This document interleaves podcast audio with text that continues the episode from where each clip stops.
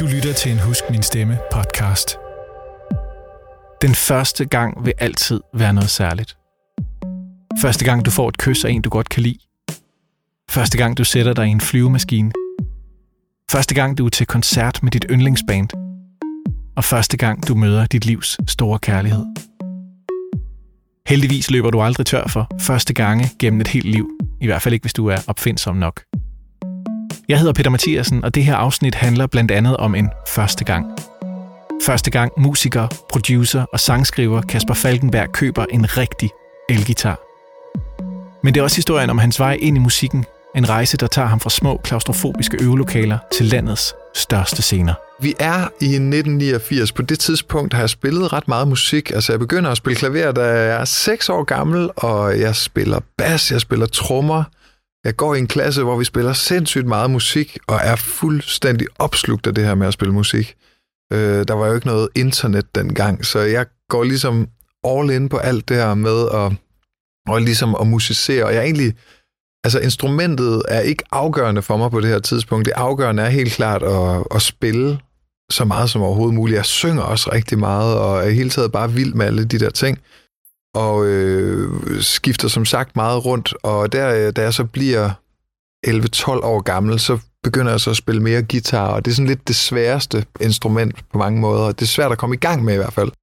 Og jeg får ligesom færden af det, jeg kan mærke, at jeg er god til det, og, øh, og ligesom øh, begynder at øve mig lidt på det henne på skolen eller i klubben, eller hvor jeg nu kan få fat i en guitar og begynder at spille. Min gode ven, Thor hedder han, han havde en guitar, og var ham, der ligesom var den gode til at spille guitar på det tidspunkt. Og så sker der faktisk det, at jeg begynder at spille mere og mere. Jeg spillede rigtig meget bas der, og så byttede vi rundt på et tidspunkt, så han begyndte at spille bas, og jeg begynder så at spille guitar. Og øh, jeg køber min første guitar i noget, der hedder Orkestergraven, en, øh, en butik, der faktisk stadigvæk findes i Aarhus. Jeg har nok været 12 år på det tidspunkt. Og jeg prøver en masse forskellige guitarer, og jeg aner intet om det. Altså, jeg kan ligesom spille de der fem akkorder, jeg har lært på, øh, på skolen eller i klubben. Og så, øh, og så prøver jeg bare alle de her guitarer. Jeg er meget sådan fænget af, hvad øjnene ser. Jeg har været i Rock City, som også var en øh, fantastisk øh, musikbutik i Aarhus på det tidspunkt, og Orkestergraven har været i utallige gange. Altså en af de der kids, der kommer ind og sidder bare og spiller og ikke køber en skid. Du ved, sådan en rigtig irriterende type. Og så kommer der selvfølgelig det tidspunkt, hvor pengene er der, hvor jeg har besluttet mig for, hvad er det, jeg skal have, og jeg har været ekstremt øh, spændt på det her. Det er en kæmpe, kæmpe stor ting, og det var også mange penge for en lille dreng på 12 år. Der er den her, synes jeg, ret flotte, sådan lidt gammeldags udseende, og den synes jeg bare er sindssygt smuk, og jeg spiller på den, den er fed at spille på, det synes jeg umiddelbart, den lyder godt. Den har sådan en brunlig farve, den er det, der hedder man kan vel nærmest kalde det tobacco burst. Det er forskellige brunlige, altså en lys og en mørk brun farve, der ligesom glider ud i hinanden. Og så er det det, man kalder for en hollow body guitar, som er en, en guitar, der er hul og har sådan nogle F-huller, lidt som en øh, violin faktisk. Så det, det kan godt ligne sådan en, en, en flad cello eller en stor violin, eller noget i den der stil. Og, og hvis man har set nogle gamle Beatles-klip, så vil man se, at både George Harrison og John Lennon, de sådan spillede på nogle instrumenter, der faktisk så ud meget ligesom den her. Og det var en uh, Epiphone Sheraton, og den her guitar koster måske 3.000 kroner. Jeg, jeg kan ikke engang huske, at jeg konkret betaler, fordi det, altså pengene i det er helt klart det mindst vigtige, kan man sige. Og det er måske også naturligt for en dreng på 12 år, at han ikke tænker super meget på, på pengene, men det er klart, at det har taget lang tid at spare sammen det der med, at gitaren bliver lagt i kufferten, man lukker kufferten, man tager den i hånden, og man går ud af butikken, og så følelsen af, du ved, nu er jeg bare sådan ligesom en rigtig rockmusiker. Ikke? Det, det er jo simpelthen for sygt. Når den står i butikken, så er det jo bare en guitar, man tager den ned og spiller på den, og det er jo fedt. Men når man så skal have den med hjem, så er der jo sådan en flot kasse til. Den her, de har jo typisk sådan noget nervøs velure ind i sig med en eller anden flot rød farve eller sådan noget. Og så jo, bliver gitaren ligesom lagt ned i den her kasse, og den har den der sådan kuffertagtige lyd, men, men, men selve hængslerne der, det har den der agtige lyd der, og det, det er bare så lækkert, det der med at, at få sådan et instrument. Jeg vil sige, nu i dag har jeg i omegnen af 40 guitarer cirka, og hver eneste gang, altså det er så sent som i går, jeg fik min seneste nye guitar, øh, og jeg synes, det er så magisk. Jeg har også et billede hængende derhjemme på væggen, hvor jeg har den der guitar, som desværre den dag i dag er solgt. Men jeg spiller sindssygt meget på den. Jeg spiller den så meget, jeg er på den så meget, jeg slider båndene ned. Altså de her metalbånd, der ligesom sidder på gribebrættet af en guitar, de bliver faktisk slidt ned. Og da de gør det, så begynder den at lyde mærkeligt, og jeg ved jo ikke, hvorfor den lyder mærkeligt, men så bliver jeg ligesom øh, utålmodig på en eller anden måde, og så sælger jeg faktisk gitaren, fordi at, øh, det skal siges, at de her bånd kan man bare skifte, men det vidste jeg så ikke på det tidspunkt. Øh, så, så jeg spiller virkelig meget. Jeg sidder på mit drengeværelse. Jeg, min guitarlærer hjælper mig med at købe en guitarforstærker, en gammel Marshall-forstærker, øh, som vi køber. Jeg får lov til at spille, også af min familie, hele tiden faktisk. Det, de har været meget tålmodige med mig det, det er helt klart sådan, jeg husker, altså jeg husker min lille ghetto blaster, og jeg husker min guitar og min forstærker, og så har jeg bare siddet og, du ved, og spillet, og, og, øh, og ligesom, jo, jeg kan huske, da får min elgitar der, der har jeg jo ikke nogen forstærker til at starte med, så der hjælper mine brødre mig med at lave sådan et stik, jeg kan putte ind i vores stereoanlæg. Så jeg spiller direkte ud over stereoanlægget, for ligesom at kunne flyde gitaren. Det, det lyder rigtig dårligt, når man gør det faktisk, men det var jo lige meget for mig, fordi jeg skulle jo bare spille elgitar. Og så sker der jo det, at CD'en, den bliver jo sådan rigtig populær faktisk deromkring, eller kommer. Den bliver opfundet deromkring den periode. Øh, og min første CD er jo så Eric Claptons Unplugged-plade. En i dag fuldstændig magisk og legendarisk plade. Øh, og den bliver jeg meget øh, fascineret af. Altså mange af de sange, der er jo bare vanvittigt gode sange, og Eric Claptons stemme, synes jeg også har noget helt særligt. Øh, jeg ved jo også fra andre, for at vide af de voksne, at han er også en af de helt store guitarister og sådan noget, men jeg ved ikke, hvor meget jeg egentlig tænker over det. Og så kort tid efter det, så får jeg så Queens to Greatest Hits-plader, altså dem, der hedder Greatest Hits 1 og 2. Og det bliver meget, meget deal-breakende for mig, kan man sige.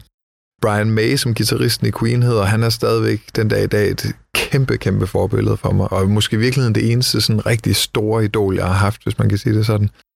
Der er også andre, jeg har været helt forelsket i, men, men Brian May vil altid være sådan magisk for mig, fordi det er så fuldendt, det han laver, og det lyder meget specielt. Når du hører Queen, så lægger du mærke til gitaren, for den har den her enormt karakteristiske lyd. Og, og det bliver meget fascineret, at han spiller med en, en vanvittig fed energi, og, og mange af de der soloer er også rimelig melodiske og enkle, hvilket også er noget, som jeg den dag i dag virkelig gør mig meget umage for selv og ligesom at udføre. Så det var, bare, øh, det var bare fantastisk, og den første sang, jeg sådan prøvede at lytte af, det skal jo sige, at på det her tidspunkt var der ikke noget internet, og hvis du skal lære at spille en sang, så er du simpelthen nødt til at sætte dig ned, sætte sangen på, prøve at gætte dig til, hvordan man spiller det. Jeg havde ingen anelse om, hvordan man gjorde det. Men jeg sætter altså CD'en på, øh, starter den ud, prøver at finde den tone på gitaren, han spiller, og så ligesom i step by step prøver jeg ligesom så at lytte sangen af. Og jeg kan så se den der i dag, at det var fuldstændig forkert, det som jeg kom frem til. Men på det her tidspunkt er jeg bare sindssygt øh, opslugt af det, og synes bare, det er for sygt at sidde og spille We Will Rock You, som det var. Øhm, og og den, øh, jeg, jeg, jeg, synes, jeg synes helt klart selv, at jeg sådan nogenlunde har fanget den, og, og på den måde begynder jeg lige så stille at lytte flere og flere sange af, og grunge-perioden kommer. Altså bands som Rage Against the Machine, Nirvana, Soundgarden, Stone Temple Pilots, til dels Alice in Chains, de, de bands bliver kæmpe, kæmpe, kæmpe store for mig. Og, og de der meget klare riffs, der for eksempel er i uh, Race Against the Machines musik, det er bare sådan, slår bare benene væk under mig. Jeg synes, det er så sygt. Altså, og dem prøver jeg også at lytte af, og det går lidt, måske lidt bedre. Jeg er blevet lidt bedre til at spille. Og jeg har også en, en uh, guitarlærer, som jeg ser måske en gang om måneden, eller en gang hver andet måned. Vi havde ikke så mange penge, så det var ret sjældent, jeg sådan havde mulighed for at komme til guitar. Så det, det foregik meget på den måde, at jeg simpelthen selv måtte finde ud af det. Så da jeg når til sådan noget 8. 9. 7. 8. 9. klasse, så begynder jeg at lave et band med nogle forskellige folk fra klassen, som også var ret gode til at spille. Nogle piger, der sang. Øh, vi kom senere til at hedde The Point of No Return. Fantastisk navn. Og, øh, og faktisk så kommer øh, en øh, guitarist, som i dag er faktisk verdensberømt, han hedder Jakob Bro, og er en af de øh, fineste jazzgitarrister, vi har, hjemme, har, har herhjemme. På et tidspunkt tager han mod til sig og spørger, om han må være med i vores band. han bliver selvfølgelig utrolig hurtigt virkelig, virkelig god. Men vi havde faktisk et fantastisk samarbejde og lavet en hel masse sådan nogle to-stemmige guitar-soloer og komponerede faktisk al musikken, Jakob og jeg. Øh, og det resulterer så også i, at vi, vi vinder noget, mm, en musikkonkurrence og kommer i studiet og indspiller nogle demoer. Og der, der, vi kommer lidt ud og spille, du ved, spiller lidt på klubber og sådan noget. Altså ikke, ikke så klubber, som vi kender dem i dag, men ungdomsklubber. øhm, og, øh, og jeg begynder virkelig at få færden af det der med at, at optræde også, og, og går jeg bare i det hele taget enormt meget op i musik. Det er virkelig hele mit liv. Det er også rigtig meget sport, øh, håndbold og bordtennis og atletik, men på et tidspunkt der omkring, der er når til 15 års alderen, øh, der skal jeg på efterskole, og jeg har efterhånden forstuet mine fingre så mange gange ved at spille håndbold, at jeg ligesom må tage et valg, der hedder, vil du blive god til at spille guitar, eller vil du blive god til at spille håndbold? Og det blev så altså guitar. Så, øh, så tager jeg på Mellerup efterskole, der er 15 år, hvor jeg møder nogle, øh, nogle fantastiske mennesker, som jeg også den dag i dag jo har delvis kontakt med, kommer til at danne et funkband, der hedder Morocco. Og, og, og vi fyrer den bare, altså vi øver jo selvfølgelig hver eneste dag, og jeg øver selv hver eneste dag, og det går virkelig stærkt der. Altså, øh, man får også enormt meget undervisning i musik på sådan en efterskole, og, og altså, vi kan slet ikke få nok af at spille. Det her band, Morocco, vi kommer så i finalen i det, der hedder DM i Rock. Vi vinder også en konkurrence, som jeg ikke kan huske, hvad hedder, ude på Djursland, en musikkonkurrence. Og vi kommer i finalen i det her DM i Rock, som på det her tidspunkt er meget stort, fordi at øh, året før vi var med, der vandt Dizzy Miss Lizzy.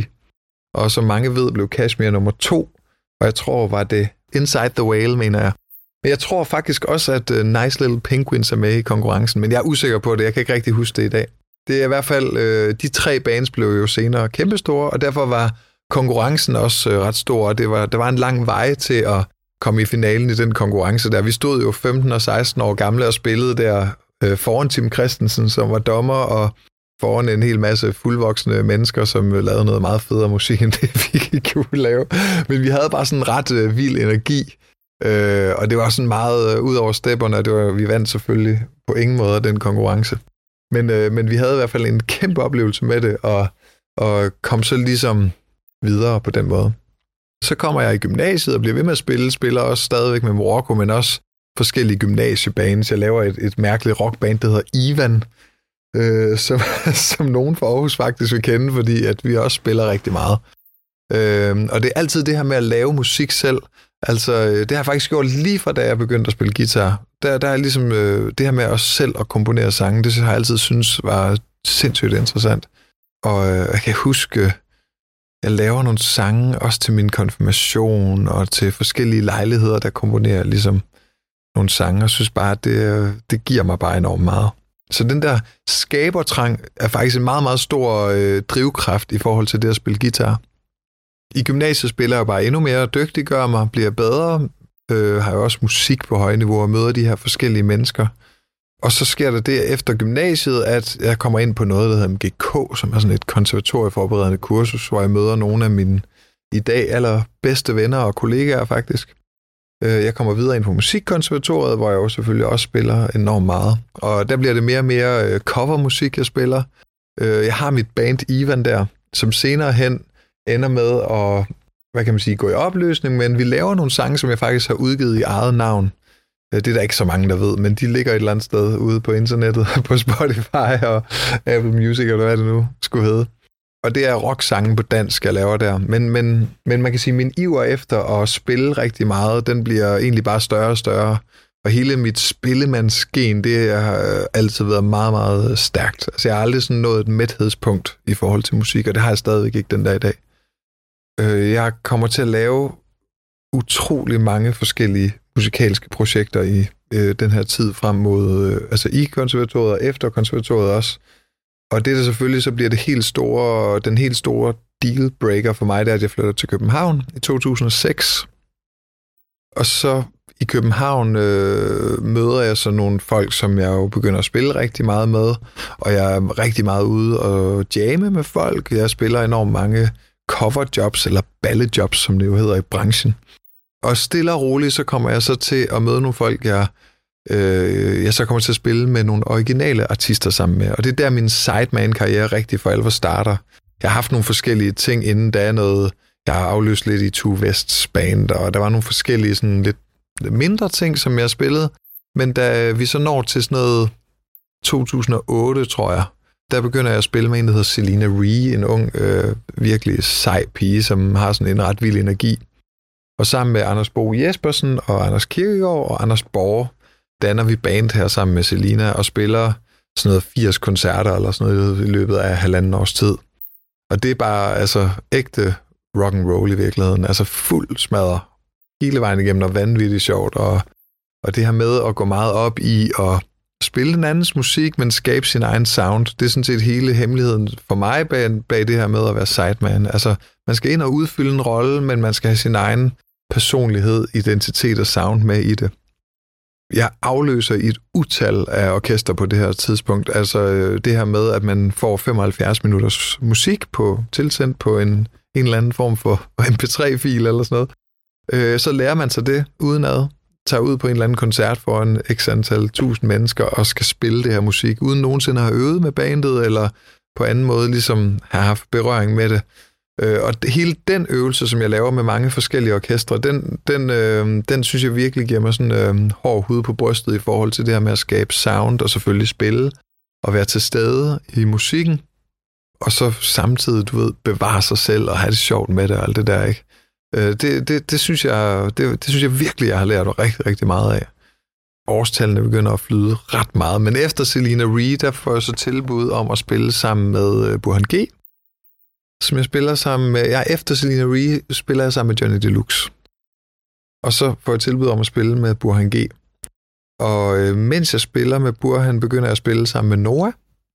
Og, øh, og dem spiller jeg hver især med en del over, sådan 3-4 år, tror jeg, det ender med får enormt meget ud af det, jeg spiller enormt mange koncerter. På et tidspunkt bliver jeg tilbudt at spille med Rasmus Sebak, og takker ja til det, og må desværre så gå ud af Burhan G-orkestret der. Det var simpelthen ikke øh, muligt at kombinere de to ting, men spiller stadigvæk med Nora. Og så øh, for tre år siden, eller fire er det måske efterhånden der, spørger Joey Moser, om jeg vil spille med ham. Og det begynder jeg så på. Og øh, så sker der så ligesom det, at det her med at flytte i studiet, altså at indspille og producere osv., osv., det bliver jeg meget, meget interesseret i. Jeg får et studie, og øh, bruger enormt meget tid på det. Og, og hvad kan man kan sige, det her med at producere musik, det er bare en... Øh, det er noget, der bare tager tid. Og det tager simpelthen så lang tid at, at lære det. Der, der er ligesom bare en masse timer, man skal igennem for at finde ud af, hvordan det sådan hænger sammen. Og det, det tror jeg aldrig stopper, den lærdom. Det gør den helt sikkert ikke. På samme måde som det at skrive sange, det stopper heller aldrig. Det, der så er sket, det er, at jeg så har produceret hovedparten af den musik, Joey har udgivet de sidste tre år. Og så har jeg så produceret for en lang række andre kunstnere, som jeg så også har spillet med. Og det, altså, det bliver lidt kedeligt at dem, men altså, i år har jeg så turneret med Barbara Moleko, og jeg har spillet en del også med Hjalmar, faktisk. Og øhm, jeg kan faktisk aldrig rigtig huske det, når jeg, sådan, øh, kommer, skal, når jeg skal ramse op. Det er også lidt kedeligt. Men i virkeligheden, så øh, kan man sige, at jeg har altid været meget sådan, haft ja-hatten på i forhold til at spille med folk. Og jeg nyder at spille med forskellige mennesker. Jeg nyder at spille med forskellige artister og lære ny musik. Jeg prøver at holde mig selv nysgerrig på, på de der ting. Jeg holder mig selv nysgerrig på udstyr, på lyde. Altså alt, hvad der ligesom kan skabe en lyd, synes jeg har en interesse for mig. Her på det sidste er jeg begyndt at købe en masse keyboards, fordi jeg også elsker at spille klaver og keyboard, og synes, det er vildt interessant. Jeg har altid købt rigtig, rigtig mange guitarer, og øh, forstærkere og pedaler, som det hedder, altså effektpedaler alt, hvad der kan skabe et eller andet, det, øh, det synes jeg bare er sindssygt spændende. Øh, jeg har også i 10 år cirka demonstreret effekter for det, som i dag er verdens største pedal, effektpedal firma. De hedder TC Electronic, og de startede faktisk i Aarhus, men er nu købt af en, øh, en stor øh, tysk forretningsmand, der hedder Uli Beringer. Men dem har jeg arbejdet med rigtig mange år. Så det her med sådan ligesom at være nysgerrig og undersøgende, det, øh, det har jeg altid brugt rigtig meget tid på. Det skal også siges, at jeg for 5-6 år siden øh, bliver ansat på DTU, også i et øh, musikforskningsprojekt, som øh, faktisk ender med at føre mig til Peter Gabriel i London, som jeg er over at besøge øh, i hans hjem, og det ender faktisk med, at han tager vores projekt med på sin Europa-turné. Og det er sådan et, et, et, hvad kan man sige, et musikalsk projekt, der i meget korte træk handler om, at man har nogle firkantede robotklodser, man kan sætte sammen, og alt afhængig af, hvordan man sætter dem sammen, så kan man skabe ny musik. Det var også noget, som, vi, som blev brugt på det, der hedder Danmarks Rockmuseum, eller Ragnarok hedder det i dag. Det er ligesom også et udtryk for min nysgerrighed i forhold til at undersøge, undersøge nye veje ind i musikken. Så det, det er lidt det, der driver mig. Altså, øh, altså lyde, musik, forskellige approaches til musik, og så bare det at skabe noget, altså at skrive sange, det synes jeg er det vildeste, den vildeste magi stadigvæk. Altså her inden jeg fik besøg i dag her i studiet, så havde jeg jo øh, Joey Moe på besøg, og vi er i gang med at lave en ny sang, jeg synes er helt fantastisk. Så det der med, at man ligesom mødes, skaber noget helt ny musik, og går, der, går hjem hver for sig, og så er der noget, der ikke var der før, det synes jeg er, er ret fantastisk. Her fik du 20 års musikerkarriere komprimeret ned til under 20 minutter. Hvis du godt kunne tænke dig at følge med i, hvad Kasper Falkenberg får tiden til at gå med, så har jeg lagt et par links i teksten her under afsnittet, så kan du finde ham og følge ham på de sociale medier.